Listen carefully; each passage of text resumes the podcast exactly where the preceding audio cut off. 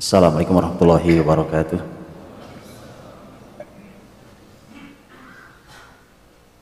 Innal hamdalillah nahmaduhu wa nasta'inuhu wa nastahdihi wa nastaghfiruh. Wa na'udzu billahi min shururi anfusina wa min sayyi'atina Dillahu fala mudilla lahu wa may yudlil fala hadiya lahu. Asyhadu an la ilaha illallah wahdahu la syarika lahu وأشهد أن محمدا عبده ورسوله. اللهم صل وسلم وبارك وأنعم على محمد وعلى آله وصحبه أجمعين. سبحانك لا علم لنا إلا ما علمتنا. اللهم بك أصبحنا وبك أمسينا وبك نحيا وبك نموت وإليك النشور. Ya ayyuhalladzina amanu taqullaha haqqa tuqatih wa la tamutunna illa wa antum muslimun. Amma ba'd keluarga mukmin yang dirahmati Allah Subhanahu wa taala. Semoga Allah Subhanahu wa taala memberikan keberkahan pada kita dan keluarga kita di pagi hari ini. Sebagaimana doa Rasul untuk umatnya di pagi seperti ini bagi yang memanfaatkan pagi sesuai dengan tuntunan beliau. Karena Nabi pernah berdoa untuk umatnya Allahumma barik li ummati fi bukuriha ya Allah berkahilah umatku pada pagi harinya. Dan kita sudah laksanakan pagi ini sesuai dengan petunjuk Rasulullah Wasallam maka yang tinggal kita tunggu dari Allah adalah hasil dari doa Rasulullah SAW untuk kita dan keluarga kita. Semoga selalu Allah berkahi. Karena ketika berkah maka semua perjalanan menjadi mudah yang sedikit mencukupi dan yang banyak tidak membahayakan. Bapak Ibu dirahmati Allah Subhanahu wa taala pagi hari ini kita akan membahas tentang masalah rumah tangga Rasulullah SAW Tentu pembahasannya luas, panjang, lebar karena dan sangat detail. Dan ini menjadi perhatian besar sekali dalam Islam, baik dalam Quran atau dalam hadis Nabi Shallallahu Alaihi Wasallam. Yang sayangnya mendapatkan perhatian yang kecil di masyarakat Muslim hari ini. Al-Quran berbicara sangat panjang, sangat lebar. Luar biasa luasnya pembicaraan Quran tentang masalah rumah tangga. Kalau kita bicara tentang Nabi Ibrahim, kita lupa bahwa Quran bicara sangat lapang tentang Nabi Ibrahim di keluarganya. Itu yang kita sering lupa. Bahas Nabi Ibrahim kita hanya sering membahas tentang masalah tauhid, akidah, penghancuran patung, kemusyrikan. Itu benar karena Quran bicara itu. Tapi kita lupa bahkan dalam surat Ibrahim dalam surat Ibrahim doa panjang lebar Ibrahim dari ayat 35 sampai 41 adalah untuk dia dan keluarganya. Temanya tentang keluarga tapi kita lupa membahas itu. Itu bahkan dalam surat Ibrahim sendiri. Belum dalam surat yang lain. Bicara tentang Nabi Nuh juga bicara tentang masalah jihad, perjuangan, eh, dakwah dan seterusnya. Kita juga lupa bahwa ternyata Nabi Nuh alaihissalam digambarkan tentang keluarganya, istrinya, at-tahrim. Dalam surat Hud, proses bagaimana bagaimana Nuh menagih janji Allah tentang putranya. Allah tegur Nuh karena putranya. Kita lupa itu. Berbicara tentang Imron, bicara tentang Lukman, dua manusia yang bukan nabi. Yang rojih adalah bukan nabi Imran, Nuh, Imran, Luqman, dua-duanya bukan nabi. Tapi menjadi nama surat dalam Quran. Bukalah Quran kembali dan perhatikan nama-nama surat dalam Al-Quran. Untuk yang nama laki-laki, kita akan melihat bahwa rata-rata adalah nama para nabi. Hud, Yusuf, Ibrahim, Yunus, Muhammad. Nama-nama para nabi tapi Luqman bukan nabi. Imran Ali Imran bukan nabi. Bahkan ketika Quran mencantumkan nama surat Ali Imran yang artinya keluarga Imran justru Imran bukan Nabi. Mengapa Allah pilihkan justru bukan Nabi? Mengapa tidak kemudian banyak keluarga paling mulia? Keluarga Muhammad menjadi keluarga. Nama surat Ali Muhammad. Tapi Ali Imran dan pembahasannya tentang Imran adalah pembahasan keluarga. Ali Imran 35, 36, 37 dan seterusnya. Bicara tentang Luqman yang juga bukan Nabi Luqman manusia dengan Allah anugerahi hikmah kalimatnya luar biasa. Dalam sejarah kehidupannya Lukman di depan pintu rumahnya antri para masyarakat, penguasa dan seterusnya hanya untuk meminta nasihat Lukman sampai teman menggembalanya Lukman yang merasa kenal dengan wajah Lukman kemudian merasa heran dan menemui Lukman bukankah kamu adalah orang Lukman yang menggembala bersama saya dulu? Lukman mengatakan iya. Tapi apa semua ini? Apa yang terjadi dengan antrian masyarakat yang hanya ingin meminta nasihatmu? Dan seterusnya. Bukan Nabi. Maka kita sering menyebutnya sebagai Luqman Al-Hakim. Al-Hakim orang penuh dengan hikmah Allah anugerah itu. Dan kita tahu di kita asal ada materi tentang masalah keluarga kemudian ada tilawah sebelum memulainya suka itu ada tasmihnya gak jauh dari surat Luqman dibacakan. Karena jelas bahwa itu adalah nasihat ayah pada anaknya. Panjang lebar. Bicara tentang perempuan juga sama dalam Al-Quran lihatlah dalam Al-Quran satu-satunya wanita yang menjadi nama surat dalam Quran surat Maryam.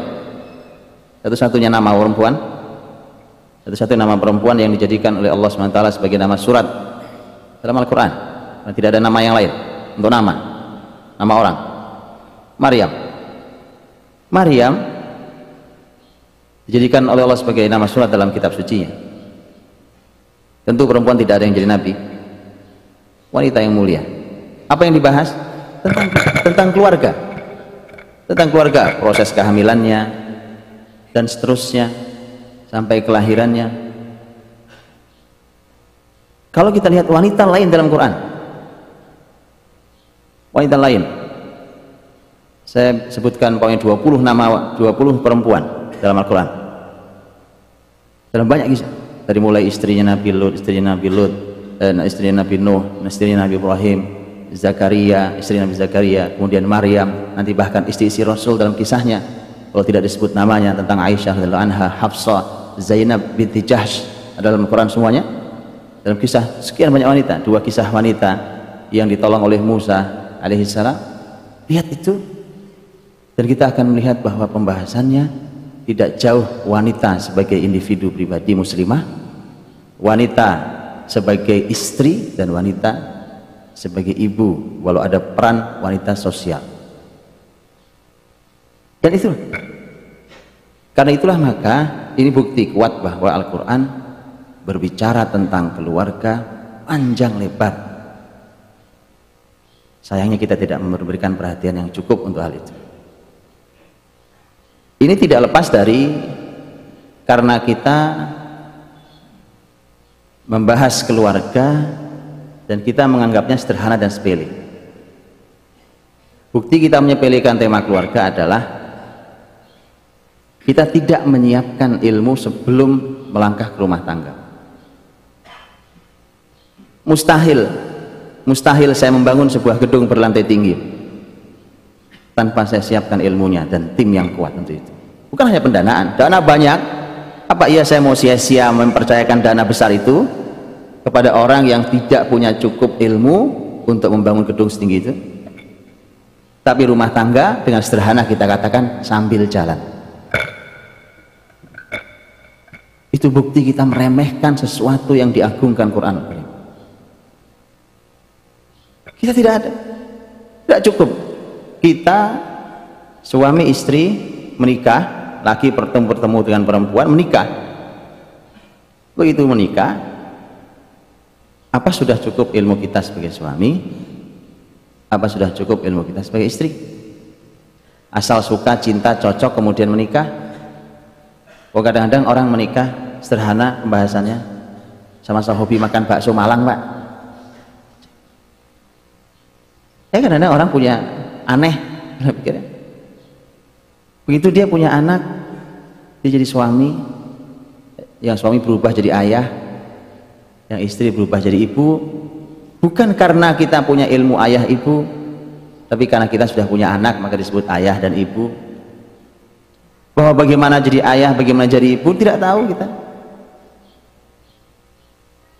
Begitu kita punya cucu otomatis jadi kakek jadi nenek. Kita juga tidak tahu bagaimana seharusnya jadi kakek. Kita tidak tahu bagaimana seharusnya nenek. Kita pikir itu sesuatu yang tanpa ilmu mana yang kurang besar ketika kita diajari dalam surah Al-Furqan 74 walladzina yaquluna rabbana hablana min azwajina wa dhurriyyatina qurrata a'yun waj'alna lil muttaqina imama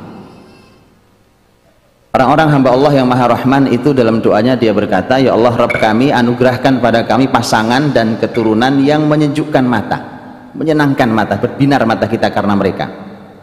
Dan jadikan kami pemimpin bagi orang-orang bertakwa. Ini doa, doa keluarga.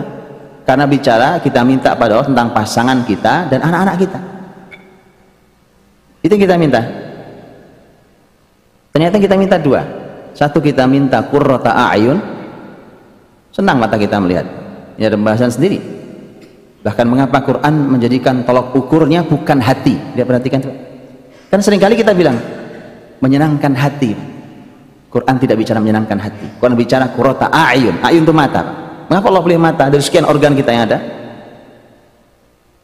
Luar biasa Quran pilihannya. Quran punya pilihan kata yang mukjizat. Bukan kita bahas, bukan bahasan kita hari ini. Waja'alna lil muttaqina imama, jadikan kami pemimpin.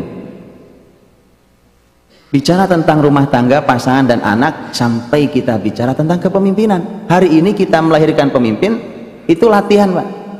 Kursus, workshop, lembaga pelatihan manajemen, leadership gitu. Kita lupa Quran mengajari kita agar pemimpin lahir dari rumah kita. Berarti bayangkan, sehebat apa bapak ibunya sampai bisa melahirkan waja'alna lil muttaqina imam imam imam bagi orang bertakwa dan itu bukan sembarang imam Pak ini karena imam itu ada beberapa tingkatan ada masyarakat rusak imamnya rusak. Ada masyarakatnya masyarakatnya mungkin masyarakatnya masyarakatnya rusak mungkin rusak, rusak. Tapi mungkin sekali waktu muncul pemimpin yang baik. Dan itu tidak banyak bekerja tidak banyak bisa berbuat apa-apa. Pemimpinnya baik jujur amanah berilmu di bawahnya semua rusak gitu. Ya cenderung dimatikan semua kebijakannya.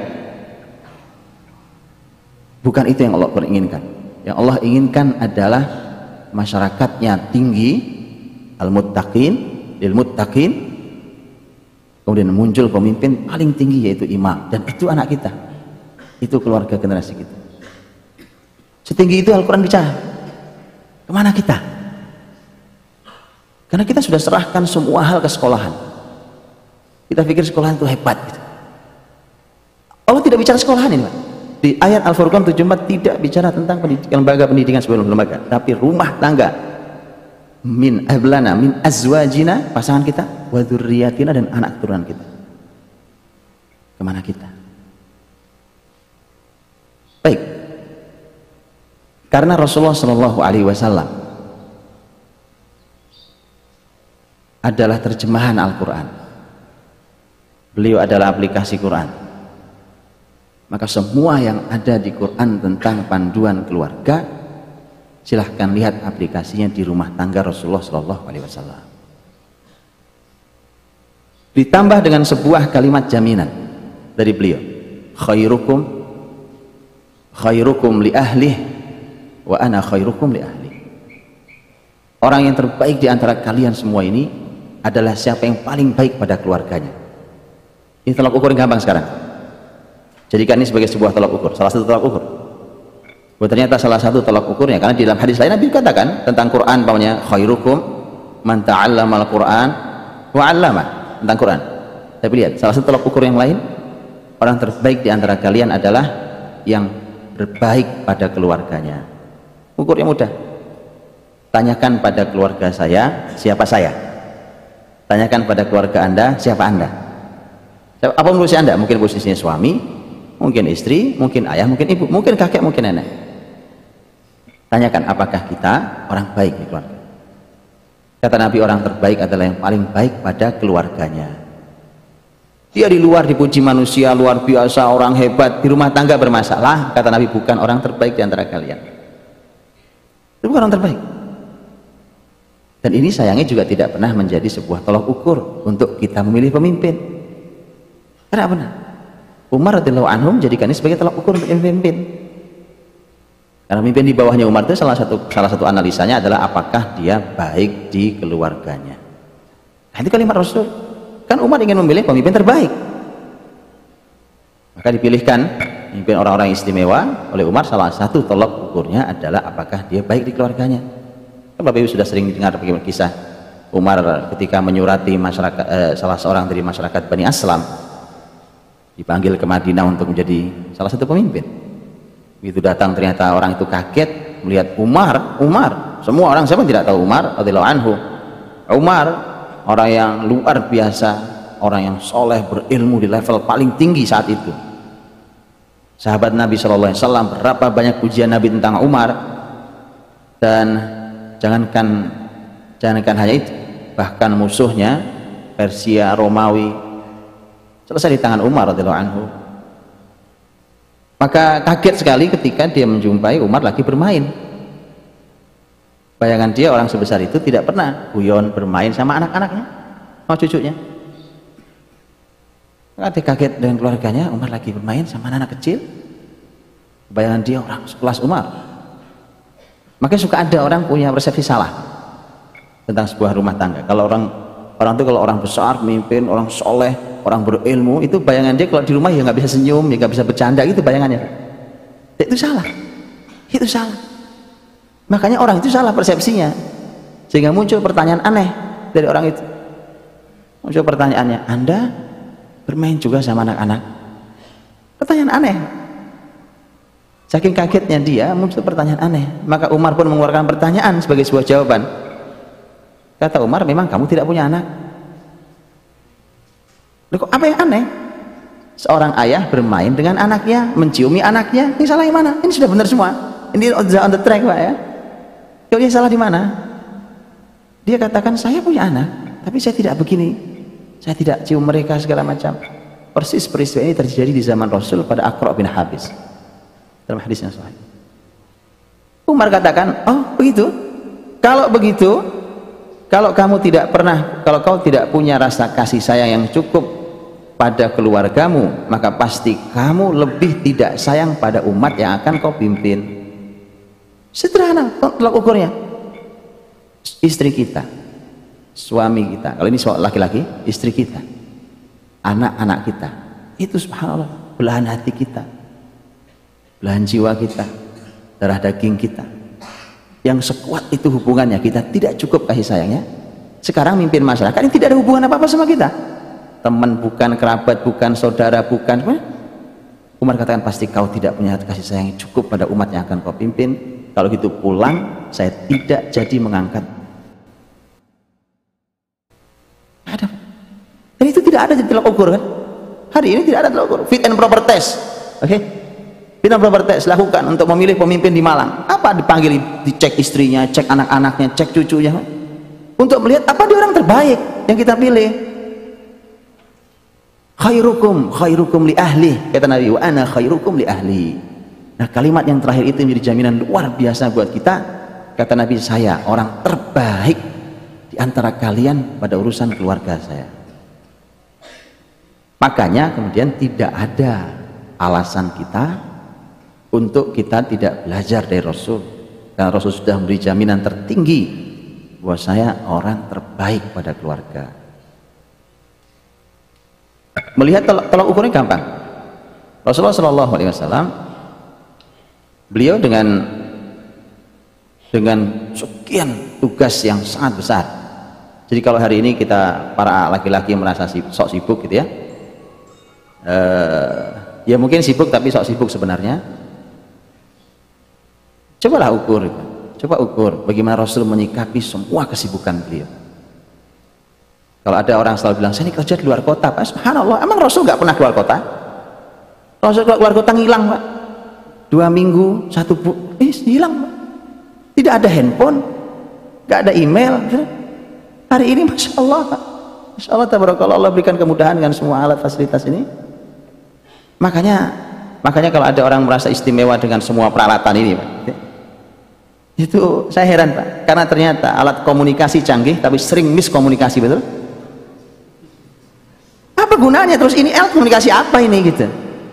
Ini alat komunikasi apa? Kita alat komunikasi canggih sekali pak. Harusnya semakin canggih semakin tidak ada komunikasi. Kalau semakin canggih komunikasinya semakin hebat komunikasinya semakin tertata baik komunikasi kan gitu seharusnya. Nah ini enggak kok oh gara-gara SMS berantem tiga hari? Ini apa? Zaman zaman zaman rasa itu tidak ada tidak tahu begitu ditinggal. Bismillah ya. Bismillahirrahmanirrahim dengan nama Allah sudah aku tinggal aku titipkan pada Allah yang tidak pernah hilang dan rusak apa pun titipkan padanya sudah ya astaudi'ukumullah. Dinaka wa amanatak. Aku titipkan pada Allah agama dan amanahmu. Pergi ya. sudah nggak tahu sudah bismillah nggak tahu nasibnya. Sudah bismillah saya tinggal keluarga saya. Yang di rumah juga tidak tahu nasib suaminya kayak apa pergi di sana. Tapi subhanallah kan? Maka dari itu sebenarnya sama saja Pak, ya kalau punya alat canggih apa ternyata juga komunikasi macet. Sama saja. Karenanya kita yang hari ini eh, para laki yang merasa sok sibuk itu kemudian eh, setelah itu dia beralasan bahwa tidak sempat saya pak. Waktu saya habis. Saya bilang subhanallah ya. Sesibuk apa sih anda nih Mau tahu, mau tahu kita nggak mau tahu kita Sesibuk apa anda nih? Atau sebenarnya bukan anda sibuk, anda tidak tahu ilmunya. Anda belum belajar dari Rasul tentang bagaimana menyikapi semua ini. Kalau urusan sibuk, masya Allah, Pak Rasul tahu Rasul. Tugasnya seabrek tugas beliau. Saatnya beliau menjadi seorang Rasul menyampaikan wahyu Allah Subhanahu Wa Taala, sampaikan wahyu Allah Subhanahu Wa Taala. Saatnya datang dua orang yang berkonflik dalam urusan tanah ladang. Nabi datang sebagai seorang hakim menyelesaikan konflik. Saat Nabi harus bercengkrama dengan teman-temannya sahabat-sahabatnya Nabi datang sebagai seorang teman.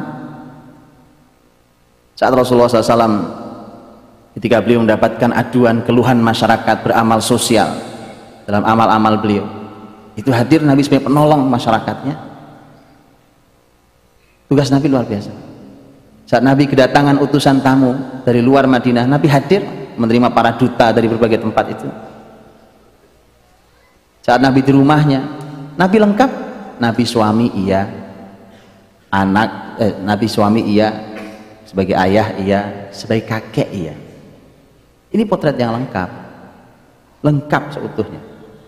Nah di sinilah kemudian perlunya kita menggali Rasulullah SAW sebagai sebuah potret tertinggi dengan jaminan wa ana khairukum li ahli. Aku ini orang terbaik di antara kalian pada keluarga saya. Tapi kita mati Allah Subhanahu wa taala sudah setengah jam baru mukaddimah setengah jam persis. Perlu sebesar ini karena ada sesuatu yang harus dibangkitkan. Ketika kita menganggap bahwa keluarga itu sepele karena isinya cuma paling dua sepasang suami istri anak-anak paling cuma tiga gitu ya cuma lima orang. Berpikirnya cuma lima pak. Saya punya perusahaan karyawan saya lima ribu orang umpamanya.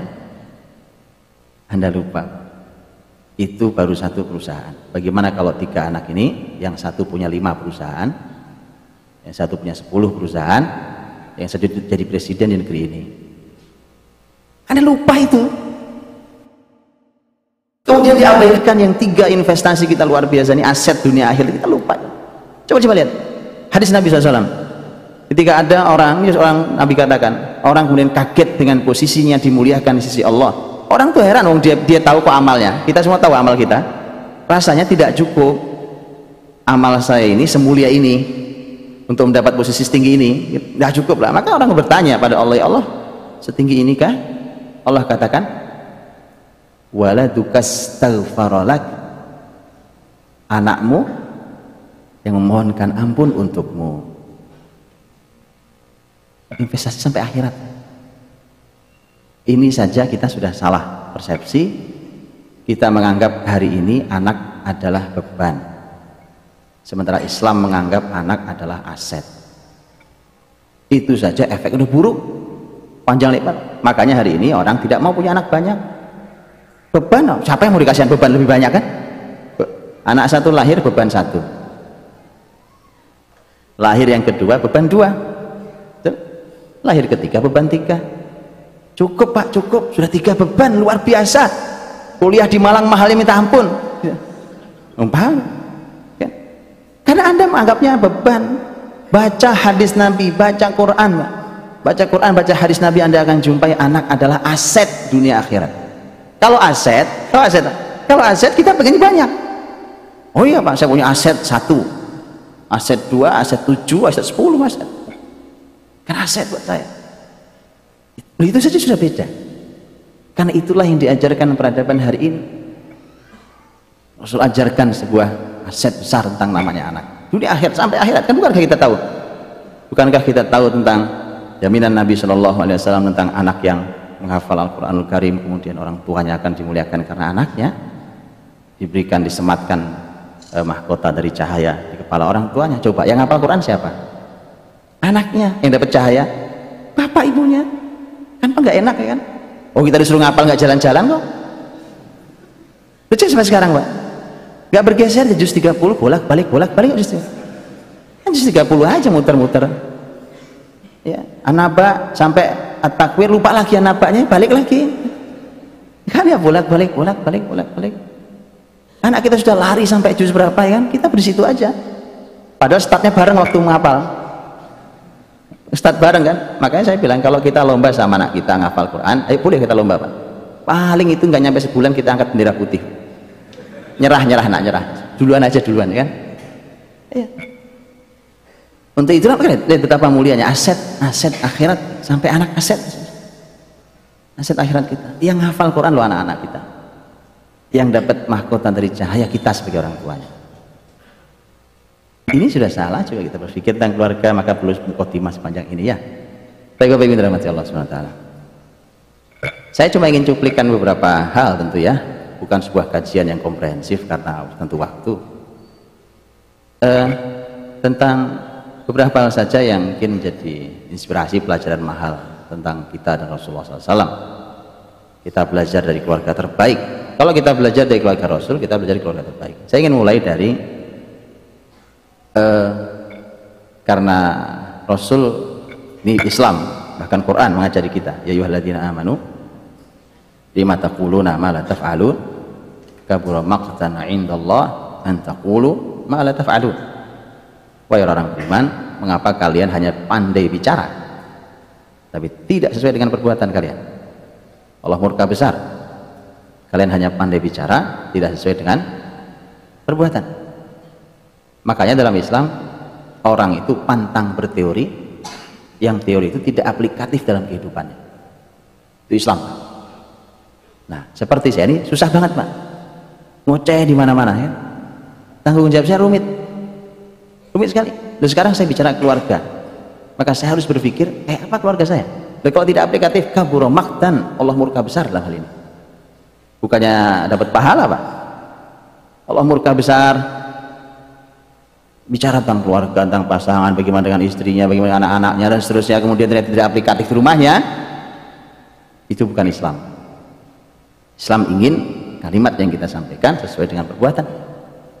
Semua teori keluarga yang disampaikan Allah dan Rasulnya ternyata aplikatif di kehidupan rumah tangga Rasulullah SAW. Itu istimewanya Rasul makanya, makanya penting, penting. Karena hari ini kan kita ini kalau belajar sesuatu cuma bilang gini, Pak uh, masa nggak boleh pak belajar sama orang kafir kan ilmu manfaat boleh dipelajari dalam Islam itu mudah sekali kita terjebak dalam kalimat-kalimat begitu tuh pak oh iya hal-hal yang sifatnya aplikatif dalam kehidupan masa iya anda belajar sama orang yang punya teori hebat tapi tidak sesuai dengan kehidupan dia bicara tentang anak bicara tentang keluarga ben?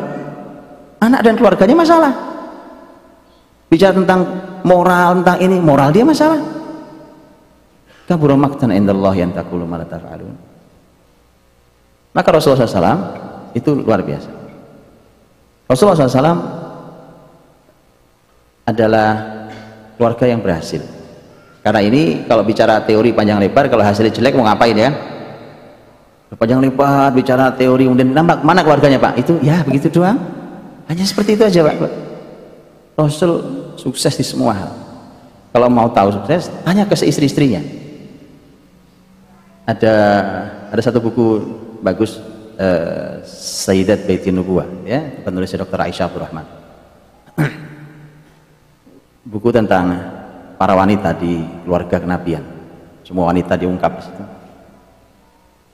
Penulisnya perempuan, ini menarik. Penulisnya perempuan dan penulis ini seorang dokter dan setahu saya sang penulis ini adalah istri kedua. Jadi dulu waktu masih kuliah dia suka sama dosennya, dinikahi sama dosennya sebagai istri kedua. Kalau bicara putri, eh, bicara wanita di keluarga Nabi, otomatis pasti harus bicara tentang istri Nabi yang tidak satu. Jadi buku ini menjadi menarik ketika memang penulisnya adalah orang yang praktek langsung. Oh ya, ini menariknya. Kan ada yang berbusa-busa tapi nggak ada praktek-praktek ya kan? Uh, ada kalimat di antara kalimat, saya nukilkan kalimatnya. Dia mengatakan begini, tidak ada bahkan ini artinya dibicara tentang dirinya juga kan? Tidak ada wanita yang ingin dimadu. Ini bukan lagu ya bukan lagu ini ya? Hah, tidak ada wanita yang ingin dimadu. Tetapi tidak ada satupun istri Rasulullah SAW yang mau diceraikan oleh beliau. Karena Muhammad Shallallahu Alaihi Wasallam hadir sebagai laki-laki terbaik yang ada di muka bumi ini Begitu. Sudah paham ya? Ya. Makanya bahwa tanyakan ke istrinya, sehebat apa suaminya. Tanyakan ke suaminya, serido apa dia pada istrinya. Tolak ukur. Nabi bilang tentang e, wanita, Nabi berkata tentang wanita ke suaminya. Kata Nabi SAW kepada wanita, Huwa jannatuki wa naruki. Suamimu itulah surgamu atau nerakamu. Makanya tanya nah, selalu maka Nabi selalu mengatakan kalau istri ke laki-laki tanya ridhonya. Ridho ndak suamiku ke aku? Ridho itu mencakup banyak hal kan? Tanya. Laki-laki begitu. Laki-laki dengan kawamah yang tinggi. Dan kawamahnya yang tinggi sebagaimana di An-Nasihat 34 kawamah yang tinggi itu yang luar biasa seperti Rasulullah SAW itulah yang membuat istri ridho. Istri ridho kagum luar biasa ridho tahu persis suaminya orang orang yang bahkan tidak ada duanya di muka bumi ini. Tidak ada duanya. Artinya laki-laki laki-laki penuh dengan keistimewaan begitu juga wanita.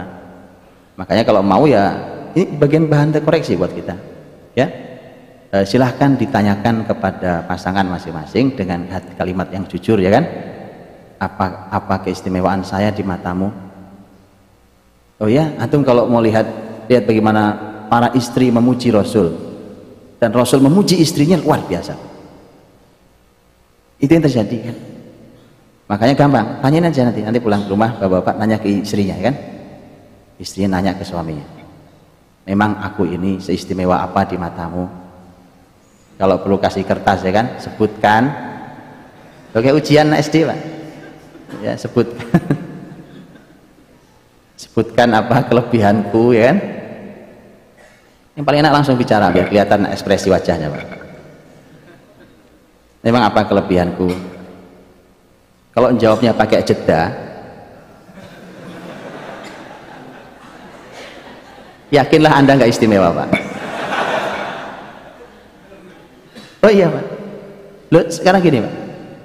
Pernah nggak merasakan anda mengagumi orang luar biasa terus anda mau menceritakan biografi dia itu di lisan itu sampai berlibat-libat saking banyaknya harus disampaikan itu lah ini nyari kelebihan satu aja mikir pak. E, apa ya? E, ya sebenarnya sih bagus ya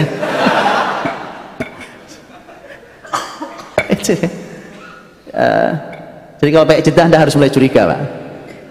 Oke oke. Oke cukup cukup ya kan? Ini sudah jadi jawaban buat saya saya, saya tahu sudah karena kalau punya kelebihan masya Allah pak dia mengalir. Tidak ada hentinya. Mungkin pagi ketemu sore masih terus bicara tentang kelebihan anda. Betul ini perhatikan ini karena ini adalah sebuah tolak ukur keberhasilan. Nabi memuji istri-istrinya luar biasa. Istrinya memuji Nabi SAW oh apalagi? Apalagi? Maka tadi tulisan Aisyah Abdurrahman tadi kalau urusan di madu ya tanyalah perempuan mana dia mau. Kalimat Dr. Aisyah Abdurrahman yang praktek langsung orang ya kan tetapi tadi karena karena suaminya adalah orang terhebat yang pernah ada di muka bumi ini. Nih ibu pulang kayaknya punya senjata pak. Tahu senjatanya kan? Tuh jadi Muhammad dulu yang hebat kamu saya nggak ngajar itu ya tapi kalau kejadian ya saya udah bilang ya baik. Beliau di beliau di anak-anaknya juga luar biasa. Istimewa. Lihat anak-anak Rasulullah SAW anak Nabi nggak dua pak. Dua itu anak kita ya kan anak Nabi anaknya tujuh. Istimewa di ketujuh anaknya. Walaupun yang laki-laki tiga orang meninggal kecil-kecil semua. Sehingga biografinya nyaris tidak bisa kita baca lebih detail. Tapi empat putri beliau Zainab, Ruqayyah, Ummu Kulthum, Fatimah radhiyallahu anhu ajma'in. Empat-empatnya wanita istimewa. Sempat menikah empat-empatnya. Ya. istimewa luar biasa. Jadi eh, tujuh kan tujuh istimewa inilah yang seharusnya menjadi tolak ukur kita juga kan? Lihat anak-anak kita oh kita ini punya anak belum tujuh. Ya kan? Kemudian punya anak cuma tiga yang satu mulai masalah begitu mulai masalah kemudian bilang iya pak Nabi Nuh aja gagal di anaknya. Kayaknya dari top gitu ya. Padahal anda cuma pengen lari dari masalah. Anda gagal. Anda gagal. Gak usah bilang Nabi Nuh lah ya kan? Nabi Nuh sudah ditegur Allah dalam surat Hud 46 Qala ya Nuh nah, maaf Nabi Nuh. Nabi Nuh sudah ditegur Allah dalam surat Hud. Qala ya Nuh innahu laysa min ahlik innahu amalun ghairu salih.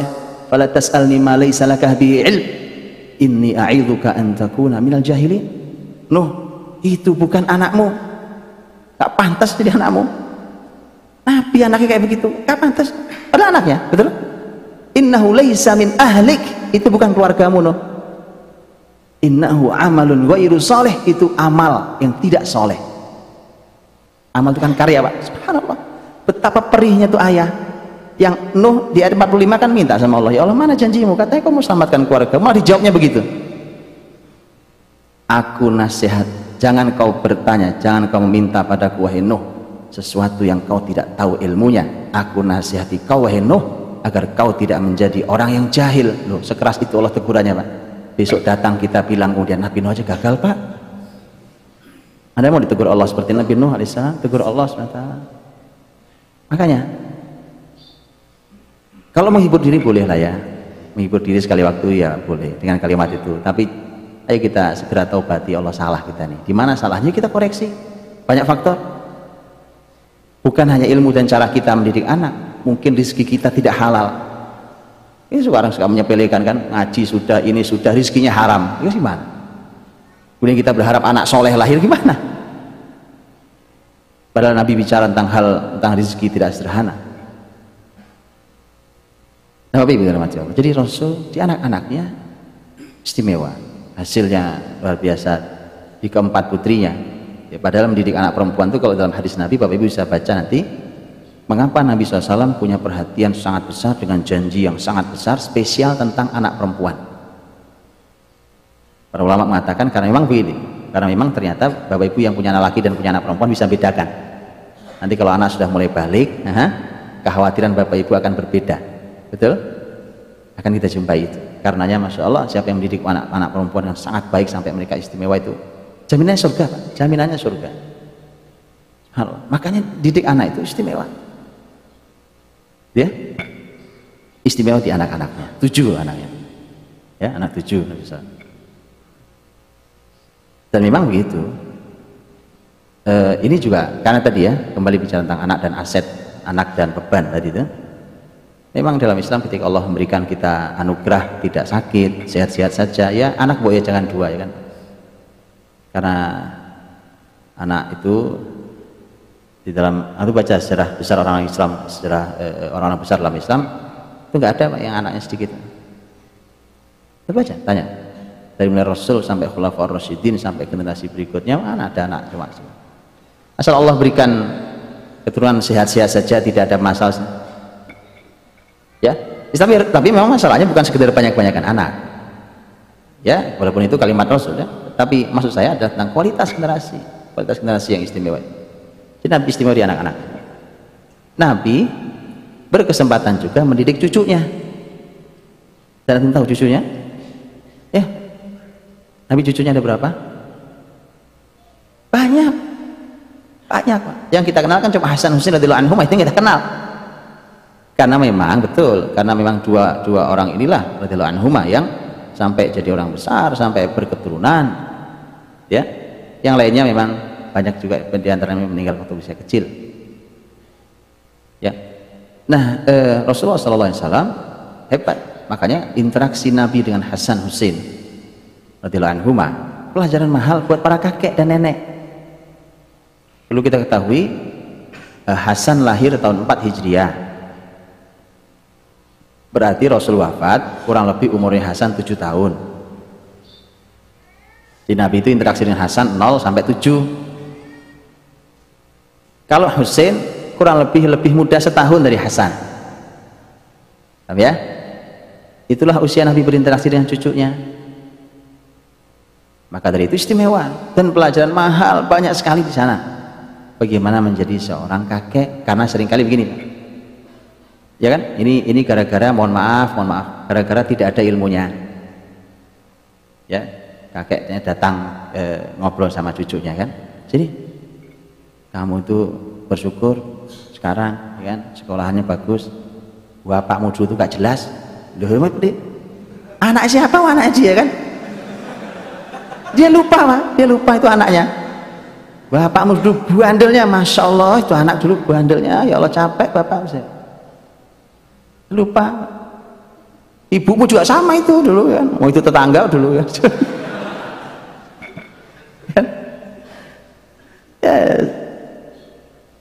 lihat lihat lihat kalimat Rasul lihat kalimat Rasul SAW Rasul bicara tentang menantunya Ali bin Abi Thalib kepada cucunya Hasan Husain Hasan Husain naik ke sini ke pundak Nabi dua-duanya kanan kiri satu Hasan satu Husain bayangkan kalau anak naik di pundak sini pegangannya di mana? Eh kepala. Kalau sudah dapat kepala gini apa yang dilakukan? Ah pasti digoyang-goyang begini pak.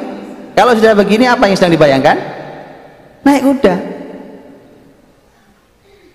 itu imajinasi anak. Dan Nabi ikuti imajinasi. Itu ilmu pendidikan anak. Dahsyat. Nah ini mohon maaf sekali. Kadang-kadang, kadang-kadang di Jawa ini karena penuh dengan sopan santun itu tidak sopan, itu sopan, itu itu pendidikan dalam Islam. Makanya apa yang dilakukan Nabi tiru aja pak, ditiru aja. Jadinya istimewa. Sopan santun itu kan sebagian cocok dengan akhlak Islam, sebagian nggak cocok itu loh. Biasa saja, oh namanya juga budaya.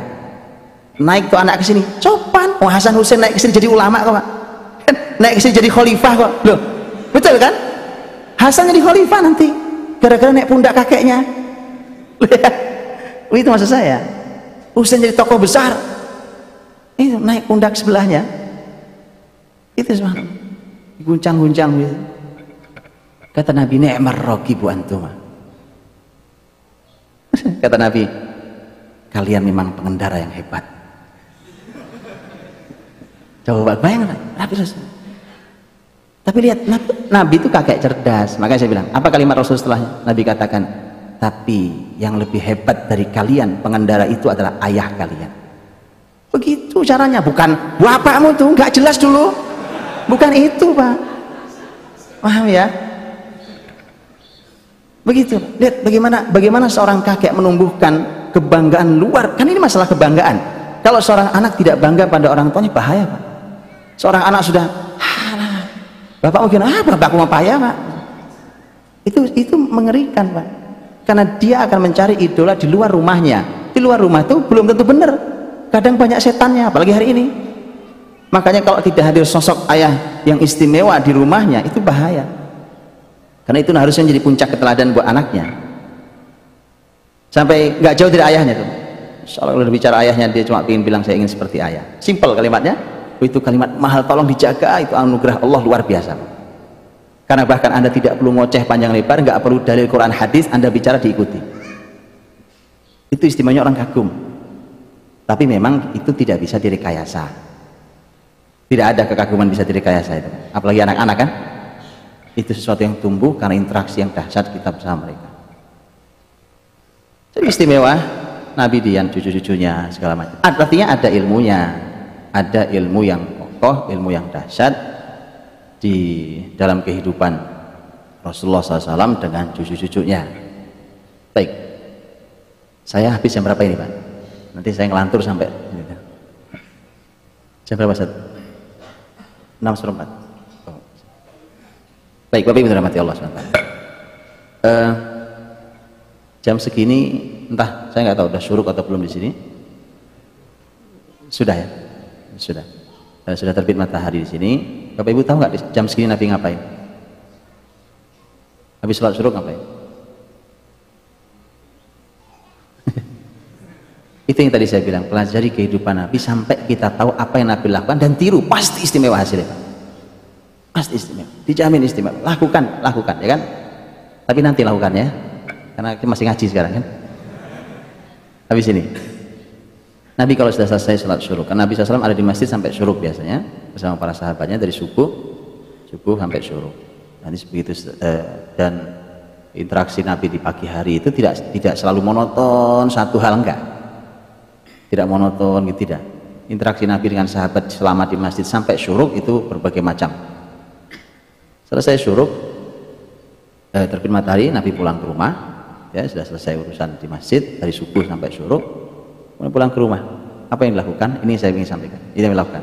Ini sampai. Makanya kalau belajar tentang keluarga Rasulullah SAW itu tidak hanya bicara tentang teori global Pak. kita ini juga suka salah paham. Teorinya dari Allah dan Rasulnya prakteknya dari Yahudi. Juga begitu karena kita menganggap Rasul tidak tidak detail saya bilang saya kasih contoh detail sekarang. Saya berikan contoh. Betapa banyaknya itu masalah detail ini bicara waktu kan? Jam segini ini Masya Allah kalau pagi hari Pak. Bayangkan orang-orang beriman bangun sebelum subuh kemudian ke masjid yang laki-laki sholat subuh kemudian setelah itu dia pulang ke rumahnya semua keberkahan. Hidup seperti itu nggak ada di masyarakat Yahudi Nasrani nggak gitu Pak hidupnya ya. Kemudian kita menanya ke mereka tentang teori aplikasinya Rasulullah SAW sekarang bicara apa nih? Teorinya apa? Teori banyak teori kepedulian komunikasi eh, apalagi kedekatan apa segala macam. Lihat aplikasi Rasul punya. Kalau sudah pulang dari keluar dari masjid Nabi temui satu persatu istrinya. Diketuk pintu satu-satu. Istrinya ada sembilan waktu di Madinah ya. Yang bersama hidup bersama beliau ada sembilan totalnya tentu sesuai dengan tahunnya. Nabi, Nabi itu bertahap menikahinya. Itulah di kehidupan sampai kumpul sembilan itu asal Nabi tidak keluar kota zaman itu kan belum ada handphone ya Pak. Jadi tidak bisa komunikasi lebih jauh. Selama tidak Nabi tidak keluar kota maka kalau sudah selesai syuruk Nabi akan temui satu persatu istrinya. Nabi temui Nabi masuk Assalamualaikum masuk ya. Dan dan itu dicatat detail dalam hadis-hadis Nabi yang sahih. Tentang apa yang dilakukan Nabi ketika masuk ke satu persatu istrinya Nabi hadir dengan senyum terindah. Nabi hadir dengan doa paling tulus ya. Dengan dengan luar biasa membawa ilmu membawa kalimat hikmahnya membawa apa. Ya. karena jam pagi sudah lapar Nabi mengatakan hal indak syai. Ada sesuatu enggak? Maunya apa? Sarapan. Ya, ya dan itu dalam bahasa Arab itu ada maknanya. Kata syai itu sesuatu sudah gitu pakai nakiroh. Nakiroh itu apa ya? Tidak definitif. Jadi nggak nggak tidak nyebut nama ya. Kalau kita kan sarapan suka nyebut sarapannya ya. E, ada apa kalau di sarapannya apa pak? Ada pecel nggak? Baca gitu kalau itu kita kan. Tapi enggak hal endakum sih saya itu apa aja lah. Makanya saya pernah eh, apa namanya menulis di, di web rutin kita tentang tentang ini pak tentang masalah kuliner yang hari ini sudah sudah mulai jauh dari track Islam ya. Bukan tidak boleh antum jajan luar boleh saja. Cuma saya uh, akhirnya cara makan kita mulai aneh hari ini. Itu harus hati-hati juga. Ini masalah resep keluarga nih. Dan saya sudah ketemu dengan seorang eh, ada saya ingin menguji yang teori yang saya sampaikan itu dan ternyata betul sampai ada keluarga itu bilang gini ke saya anak saya itu saat itu kalau makan di rumah sudah nggak semangat bahkan sudah mal. Oh karena kebiasaan biasa makan di luar jajan ini ada lo kan ya kan di lo kalau kita makan di warung yang mahal itu kita beli bukan makanannya walau ikan digoreng sama aja di mana juga sama kan? Ya, bukan itu mas. Tentang sajiannya mejanya keadaannya sekelilingnya taman yang ada ya kan? Hari ini makan bahkan sama singa. Itu lebih mahal pak. Belum pernah tahu antum ya? Belum pernah tahu restoran makan sama singa? Belum pernah ya? Ada pak. Mahal mahal sekali. Eh, betulan betulan. Saya nggak bercanda ini mahal sekali. Tentu singanya dikasih kaca ya kan? Kalau enggak ya antum dimakan orang makan pakai sensasi gitu. Akhirnya di rumah kan nggak ada makan taruh-taruh aja di meja kan. Sudah sudah nggak ada nikmat-nikmat. Itu makanya saya bilang lihat Nabi menyederhanakan konsep sarapan bahkan. Ada konsepnya. Orang bilang tidak detail itu aneh. Ada nggak perlu kita Yahudi Nasrani itu teorinya. Nggak perlu nggak perlu sama sekali detail dari mulai teori landasan teori Quran dan hadis sampai aplikasi detail harian ada dalam kehidupan rumah tangga Rasulullah SAW sampai konsep sarapan coba. Konsep sarapan. Nggak perlu ngarang antum Nabi cuma bilang hal endakum syai. Syai itu syai itu kan cuma ya sesuatu apa aja lah pokoknya sesuatu gitu ya. dan simple sekali. Sekali waktu ada. Sekali waktu eh, bahkan ada hal istimewa seperti kalimat Aisyah radhiyallahu anha ya Rasulullah kemarin aku dihadiahi his. Atau his atau his ya? itu makanan yang apa itu korma yang sudah di, di kayak bubuk gitu. Eh, dicampur dengan minyak apa segala jadi korma asli bahannya korma. Dan itu salah satu makanan kesukaan Nabi SAW kata Aisyah ya Rasulullah kemarin ada yang menghadiahi aku his dan aku simpan his itu untukmu Allah nungguin nungguin suami datang itulah makanya saya juga pernah nulis pak ini juga hati-hati kan saya menulis juga tentang uh, uh, apa betapa makanan itu kalau di hati wanita tidak sederhana gitu ya bu ya kan iya lu kan betul betul Enggak makanya tolong ini juga harus belajar ya Pak. Kadang-kadang bapak nah, mohon maaf ya Bu, saya saya atas nama para ayah. Ini Bu, saya mengatasnamakan aja lah. Atas nama para ayah kami saya mohon maaf. Bu. Karena kadang-kadang para ayah ini kan gitu di luar ya kan istrinya sudah nunggu pada masak dari pagi dari masak kan? Luar biasa suaminya pulang sampai kemalaman kemudian sampai rumah. Udah makan ya? Udah. Istrinya sih bilang ya udah nggak apa-apa istirahat aja langsung. Pada tuh hatinya hancur lebur pak. Nggak betul nggak bu nih nggak jangan saya ngarang jangan saya ngarang. Nggak karena memang ada ada dalilnya pak. Loh sampai ada dalilnya loh urusan beginian. Terus kok kita bilang nggak detail tuh yang aneh saya bilang pak. Betul karena seorang Aisyah radhiyallahu anha dapat makanan ingat suami. Betul ya ya betul ibu iya iya kan? Iya lagi mah bapak-bapak makan makan aja bu. Kagak ingat kita mah makan aja. Para para istri masya Allah dapat dia tahu ini makanan kesukaan suami saya. Disimpan sampai suami datang. Kebayang nggak begitu datang suaminya udah makan di luar? Kebayang nggak itu? Karena makanan yang terhidang di meja hidangan itu Kan kita tahu kan, kalau istri kita yang masak itu tak sekedar sebuah soto. Ya? Dia bukan hanya sekedar rawon, tapi itu dimasak dengan penuh kecintaan, dengan air mata, dengan Gak tahu rasanya gimana, saya nggak tahu juga. Artinya memang makanan itu istimewa di hati perempuan. Lo kan begitu, orang apalagi kalau yang belum pernah masak rawon, Pak. Karena suaminya orang Malang, ya kan? Dia mencoba untuk membahagiakan suaminya. Ini makanan kesukaannya orang Malang pamannya gitu ya. Maka coba masak rawon. Lo itu nyari resepnya seminggu. Iyalah ya kan? Nelpon temennya SMS-an sudah dua hari SMS-an ya kan? Ini ini terlalu hiperbola pak ya begitu ya. Dia masak seharian ya kan? Dan karu-karuan pak. Kemudian hadirlah sebuah hidangan hanya semangkok rawon. Begitu pulang suami bilang aku udah makan di luar. Bayangkan Makanya lihat Rasulullah SAW, Nabi itu sampai mengorbankan puasa sunnahnya karena ada makanan yang disimpan oleh istrinya untuk beliau. Puasa sunnah loh pak. Mau ya dipaksa-paksain dikit, mah kenyang sih pak ya. Mau ya dipaksa-paksain dikit gitu loh mas ya kan. Iya kan? Itu itu subhanallah. Betul kan? Nabi sampai membatalkan puasa sunnahnya untuk makanan yang disimpankan secara khusus oleh istrinya. Karena buat wanita makanan untuk suami itu tidak sederhana. itu adalah bagian besar dari hati dia ya kan? Itu Nabi lihat bagaimana cara Nabi memuliakan uh, hati seorang wanita. Begitu caranya. Nah makanya pagi jam segini Nabi gitu. Nabi nanya ke istri-istrinya kan makanan? Waktunya sarapan kan? Kalau Nabi tidak puasa maka Nabi bertanya tentang sarapan. Sekali waktu sekali waktu tidak ada makanannya. Ya nggak ada mau bilang apa kan? Ini di keluarga mulia inilah kadang sarapan nggak ada. Betul-betul nggak ada. Bukan masalah belum belanja nggak ada yang bisa dimakan. Saya katakan tidak ada ya Rasulullah.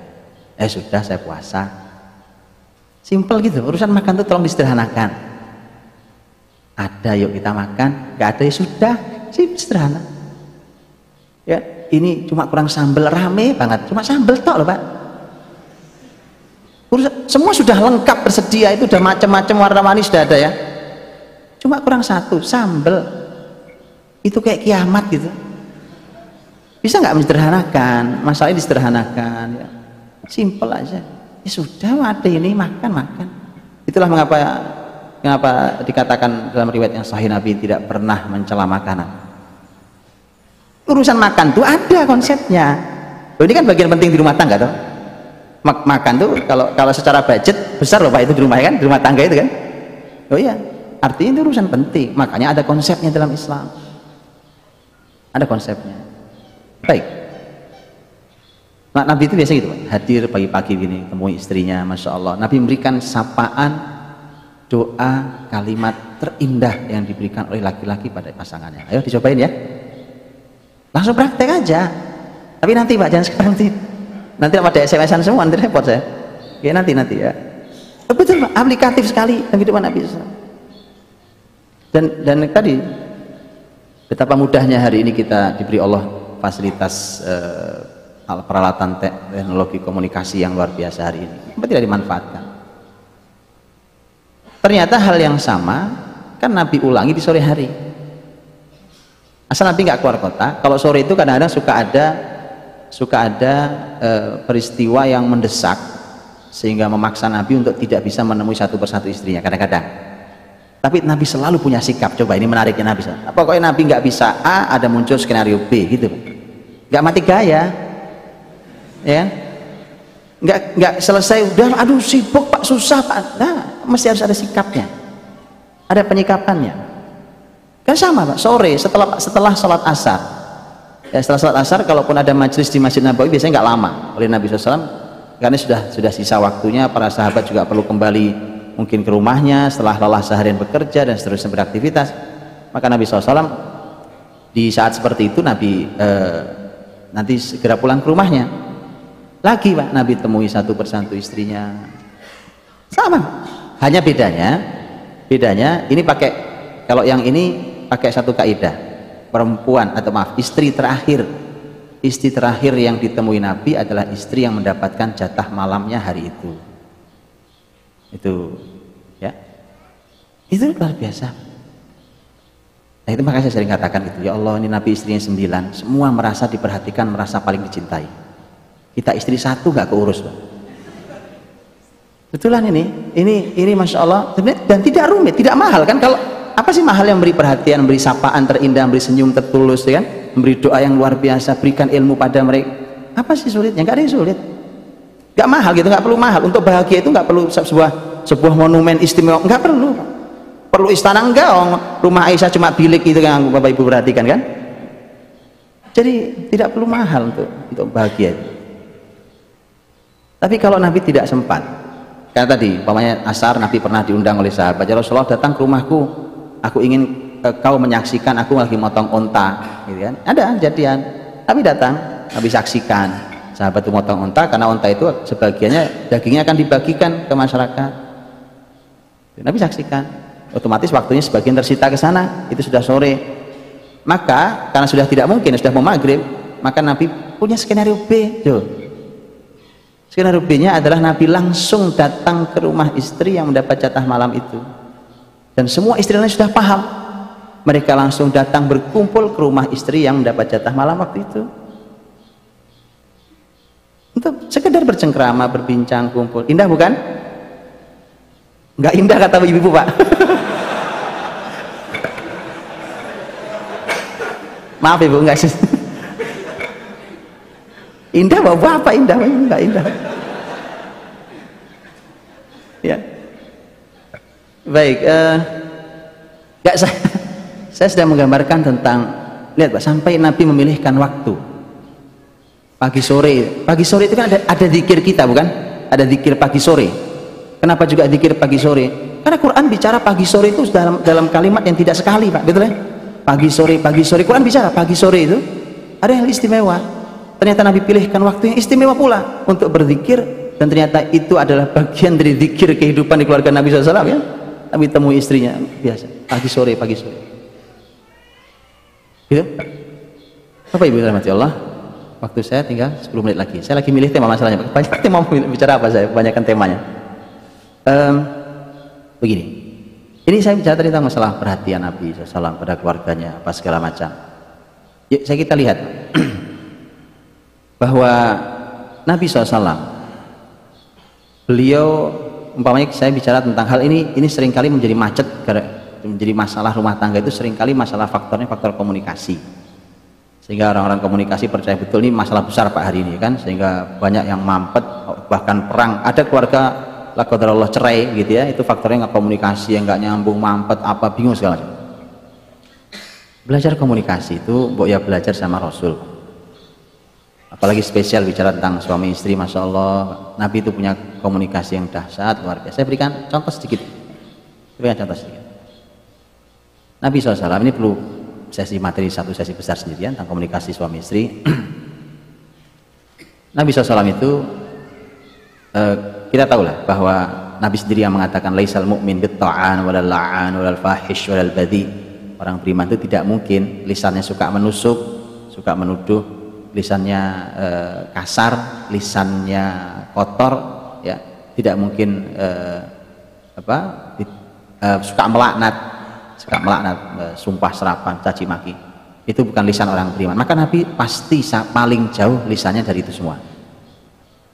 Ya, itu tidak ada suami atau istri sebaliknya kalimatnya kasar enggak Nabi marah, Nabi manusia biasa. Marah Nabi, Nabi sendiri yang katakan saya manusia biasa, saya marah seperti kalian marah. Saya ridho juga seperti kalian ridho, sama. Bedanya aku diberi wahyu. Jadi Nabi sama, marah ya marah. Tetapi Nabi selalu katakan saat saat sedang labil labil artinya tidak sedang nyaman jiwanya dalam keadaan sedih umpamanya atau dalam keadaan marah. Maka Nabi ajari betul kita. Karena jangan sampai kepleset jangan sampai kepleset karena kadang kita tidak kita sadari dalam keadaan kita lagi labil emosinya marah umpamanya kita suka mengeluarkan e, laknat terhadap keluarga dan harta. Dan Nabi ingatkan betul jangan melaknat keluargamu dirimu, keluargamu dan hartamu. Karena aku khawatir bertepatan dengan waktu dikabulkannya doa. Jadi hati-hati ya kan? Kalau lagi jengkel mau arah sama anak bilang memang kamu anak nakal. Eh anak tuh nakal insya Allah ya, gara-gara kalimat kita nggak jauh-jauh. Kita kok yang bicara? Kalau pas bertepatan waktu dikabulkannya doa anak nakal nakal betul nakal? Ya. makanya Nabi katakan idza ghadiba ahadukum falyaskut kalau seorang di antara kalian marah maka diam. Itu wal kadhimin al ghaidha wal afina 'anil nas. Itu ayat itu. Di menahan amarah itu itu PR besar di lisan kita hari ini. Karena kita ini hari ini kalau marah pengennya ngomel. Ya kan? Kalau kita lagi sedih apa segala macam curhat. Habis-habisan curhat sana sih padahal dalam Islam ada manajemen curhat. Ya kan? Ada. Dan kita harus tahu itu. Karena itulah maka Rasulullah dalam dengan istri-istrinya Masya Allah. Nabi berkomunikasi dengan para istrinya tentu dengan tadi bahasa terindah bahasa terbaik tutur kata. Tidak ada yang kasar tidak ada yang tidak ada yang kotor tidak ada yang hal melaknat menusuk. Uh, Rasulullah itu sampai kemudian ketika beliau berkomunikasi dengan para istrinya itu karena nikah sudah sekian tahun kan? Maka pasti sangat hafal dengan karakter kalimat. Jadi mohon juga dipahami apalagi apalagi kalau para laki-laki kemudian berkomunikasi dengan makhluk Allah yang mulia yang bernama wanita. Ya. Seringkali lisannya keluar dengan kalimat biasa tapi kadang di balik kalimat itu ada tiga jilid pak tulisannya itu. Untuk menerjemahkan kalimat ini gitu ya. Makanya harus paham itu. Lihat Rasul mengatakan pada Aisyah. Lihat lihat Nabi katakan Aisyah aku tahu kapan kamu senang sama saya kapan kamu marah sama saya. Kata Aisyah bagaimana caranya Rasul? Kalau kamu berkata demi Tuhannya Muhammad ah kamu lagi senang sama saya tapi kalau kamu bilang demi Tuhannya Ibrahim kamu lagi marah sama saya. Coba apa hubungannya Pak? Kan Robnya Muhammad Robnya Ibrahim sama. Sama gak ada yang salah. Dua-duanya Nabi mulia kan tapi Nabi Muhammad tahu kalau kau bilang demi Robnya Ibrahim kamu lagi marah sama saya. Lihat karakter kalimat istri Pak. Gitu ya. Harus paham. Mudah-mudahan Allah menjagamu ya Bi. Oke? Okay? okay? doa bukan? Antum harus paham karakter kalimat itu. Oke okay, dia lagi sedih. Lu apa hubungannya coba kan? Saking antum paham karakter kalimat kan? Atau kan itu harus betul Sampai Nabi kata, Anda tahu kenapa? Dan Aisyah menjawab. Apa jawaban Aisyah? Kata Aisyah, ya itu benar. Karena kalau saya sedang marah, saya hanya tidak mau menyebut namamu. Maksud, maksudnya ngerti? Aku ini kalau marah ya Rasulullah, aku paling malas nyebut namamu. Sudah pokoknya kalau saya bersumpah bersumpah demi Rob, tapi Robnya mau Ibrahim aja, bukan Rob maksudnya bukan pokoknya yang penting tidak ada namamu di lisanku. Nah, itu sama aja om. Keluarga mulia man. dengan konfliknya sama. Sama seperti kita. Itulah kenapa keluarga Nabi bisa ditiru. Sama. Punya konflik punya masalah. Sama. Kalau tidak pernah punya masalah nah, tidak bisa ditiru. Makanya belajar sama Rasul itu lengkap. Sampai sampai masalah mengatasi konflik. Itu nah jadi Bapak Ibu eh, komunikasi Nabi itu sampai Nabi paham kalau kalimat langsung gini mah jelas ya. Sampai Nabi paham bahwa ada sesuatu di balik kalimat ini ya. Ya sampai uh, Nabi SAW berkomunikasi dengan, dengan dengan aroma. Kalau hari ini kan kita ngaji tentang komunikasi baru level body language kan? Ah nggak nggak istimewa pak. Itu biasa zaman Nabi itu biasa banget. Istrinya paham Nabi minta apa itu nggak usah ngomong itu biasa biasa. Nabi cuma ngeliatin siwaknya Abdurrahman eh, waktu menjelang eh, menjelang Rasul wafat kan lagi di, di Aisyah di pangkuan Aisyah. Nabi sudah nggak berbicara bisa bicara. Nabi cuma ngeliatin itu siwaknya ya, dia Aisyah tahu apa yang dia Nabi mau. Itu mah biasa ya sudah ya, sudah. Kan sudah sudah paham ya maka tolonglah ya jangan jadi orang yang dablek gitu pak. Ya, ini orang nggak ngerti-ngerti juga ini saya sudah begini sudah begitu Nabi berkomunikasi dengan istri itu bahkan sampai pada level berkomunikasi dengan aroma. Nabi tahu dengan aroma ini istrinya bicara ini. Gitu? Waktu saya udah habis, kan? Belum? Oh, 32 menit lagi. 3, 4 menit lagi. Baik. Sampai begitu. Itu mau kisahnya atau atau saya tema pindah tema satu lagi ya? eh, komunikasi dengan aroma itu pernah kejadian antara Rasul dan Aisyah radhiyallahu anha. Ya, Rasul dan Aisyah radhiyallahu anha eh, berkomunikasi sampai komunikasinya komunikasi eh, dengan aroma itu catat menarik sekali. Karena Rasul dengan karena beliau punya istri lebih dari satu punya, punya jadwal jadwal giliran malam yang sudah tetap dan semua istrinya tahu dan suatu hari Rasul punya masalah dengan Hafsah adalah anak ya keluarga mulia punya konflik. Hafsah karena Hafsah itu dekatnya dengan Aisyah. Jadi Bapak Ibu perlu tahu ini hadis sahih riwayat Bukhari bahkan. Istri Nabi yang sekian itu ada dua blok Pak. Ya, ada dua blok. Betulan ini keluarga mulia tapi inilah itu manusia keluarga manusia. Ini bloknya Aisyah ini bloknya Ummu Salamah baca di Sahih Bukhari. Allah kita akan tahu subhanallah keluarga mulia tetap lah tetap manusia ya kan? Makanya bisa di, itu dibilang itu kenapa bisa ditiru keluarga beliau? Karena sama punya punya konflik punya kecemburuan punya masalah punya tapi semuanya mulia semuanya bahagia semuanya istimewa begitu. Lahir generasi yang luar biasa gitu. Ada dua blok gitu. Nah Hafsah itu dekat dengan Aisyah anha. Satu putrinya Umar yang kedua putrinya Abu Bakar ya kan? Hafsah sama Aisyah ini anak mulia bapak-bapaknya orang mulia juga. Begitu. Maka Hafsah bilang ke Aisyah Aisyah aku punya masalah sama Rasul. Kamu bisa nggak bantu aku selesaikan masalah ini? Nah itu bagus pak. Komunikasi ya kan antara para istri. Ya. lu kenapa kenapa ketawa?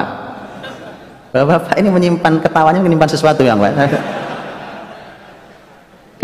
Kayak tadi para wanita menyimpan sesuatu di balik kalimatnya eh, akhirnya kan Hafsah supaya Aisyah kan tahu. Tahu bahwa Aisyah adalah wanita yang yang paling istimewa di hati Nabi SAW ya kan? Dan Nabi jujur Nabi jujur Pak dengan cinta. Nabi ketika ditanya tentang man habun nisa ilaik? Siapa wanita yang paling kau cintai Rasulullah? Kata Nabi Aisyah. Istri Nabi banyak tapi urusan hati Nabi jujur. Nabi kata eh, ya gimana mau cinta urusannya? Kan saya paling cinta dengan Aisyah. Karena itulah maka Aisyah e, didekati oleh Hafsah untuk membantu menyelesaikan masalah Rasul dengan Hafsah. Begitu nampaknya Hafsah perlu memberikan uh, upah ya kan? Atas kerja susah payahnya Aisyah nanti untuk mendamaikan itu. Maka tidak ada upah teristimewa kecuali memberikan jatah malamnya. Kata Hafsah kalau kau berhasil mendamaikan aku jatah malamku satu untuk kamu.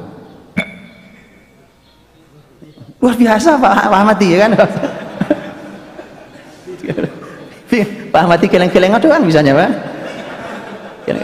Sama kita sama saya pak. Geleng-geleng aja bisa ya kan? Ya. Maka betul pak. Ya udah lu dilakukanlah didekati Rasul sampaikan. Selesai masalahnya. Malam itu adalah malamnya Hafsah. Seperti biasa Nabi kan kunjungi satu-satu satu-satu. Aisyah mendekati ke Nabi. Begitu mendekat ke Nabi Rasul langsung bilang Aisyah ini bukan jatah malammu Ternyata kenapa Nabi bilang begitu? Aisyah juga belum bilang apa-apa, Pak. Karena Aisyah terbiasa memakai parfum yang selalu setiap parfum itu dipakai oleh Aisyah, Rasul tahu persis bahwa Aisyah sedang mengingatkan, "Ya Rasulullah, ini jatah malamku." Makanya begitu Aisyah pakai parfum itu, Nabi bilang, "Eh, ini bukan jatah malammu, ini jatah malam Hafsah." Kata Aisyah, "Aku punya cerita di balik ini." Nah, sudah tahu tahu ya, itu, itu Pak. Kelewat kan waktunya gitu. baik baik bapak ibu rahmati Allah. Makanya eh, subhanallah Pak ini keluarga keluarga yang tetap punya masalah punya konflik tetapi mulia. Al-Quran kok bicara tentang masalah konflik keluarga Nabi? Kan tahrim ayat 1 kan teguran buat Nabi ayuhan Nabi lima tuharrimu ma ahallallahu laka tabtagi mardata azwajik Allahu ghafurur rahim. Wahai Nabi mengapa kau berani mengharamkan apa yang dihalalkan Allah hanya untuk menyenangkan istri-istrimu? Ya kan? Allah maha pengampun lagi maha penyayang artinya bahwa ada konflik keluarga Nabi SAW segala macam tapi inilah keluarga istimewa itu. Ya, eh Bapak Ibu saya kira itu waktu saya sudah habis mohon maaf uh, makanya saya bilang ya ini cuma cuplikan-cuplikan ya. Sekali lagi bahwa ini keluarga istimewa itu. Kalau belajar nggak usah ke mana-mana Pak. Sampai teknis detail belajar ke Rasul SAW ya. Allah alam Assalamualaikum warahmatullahi wabarakatuh